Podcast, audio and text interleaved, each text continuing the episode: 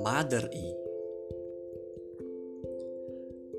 Rumi berhasil sembuh setelah 10 tahun instal antivirus. Headline sebuah majalah tahunan di negeri antariksa, edisi tahun 2030. 11 tahun sebelumnya. Aduh, perutku sakit sekali. Ah. Keluh Rumi kepada Wulan. Sakit lagi? Ah, sudah seabad kamu selalu mengeluh sakit perut. Wulan menanggapi dengan ketus. Sebentar lagi pasti mengeluh. Rambut pohonmu rontok, mata kelilipan debu, bibir pecah-pecah, gusi berdarah, gerah kepanasan, kulit retak mengering, lalu lemas kurang air. Sudah cukup cukup cukup. Kalian bukannya membantuku, malah mengejek dan menghakimi seperti kesukaan makhluk-makhluk kecil yang numpang di tubuhku. Sanggah Rumi dengan nada sewot. Mereka bertiga hening dan mulai memikirkan sesuatu.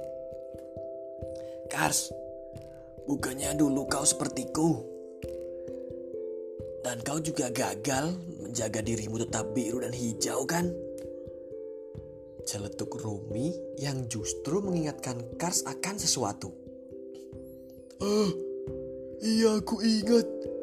Dulu mata hati pernah menyuruhku menginstal sesuatu agar tubuhku tidak rusak.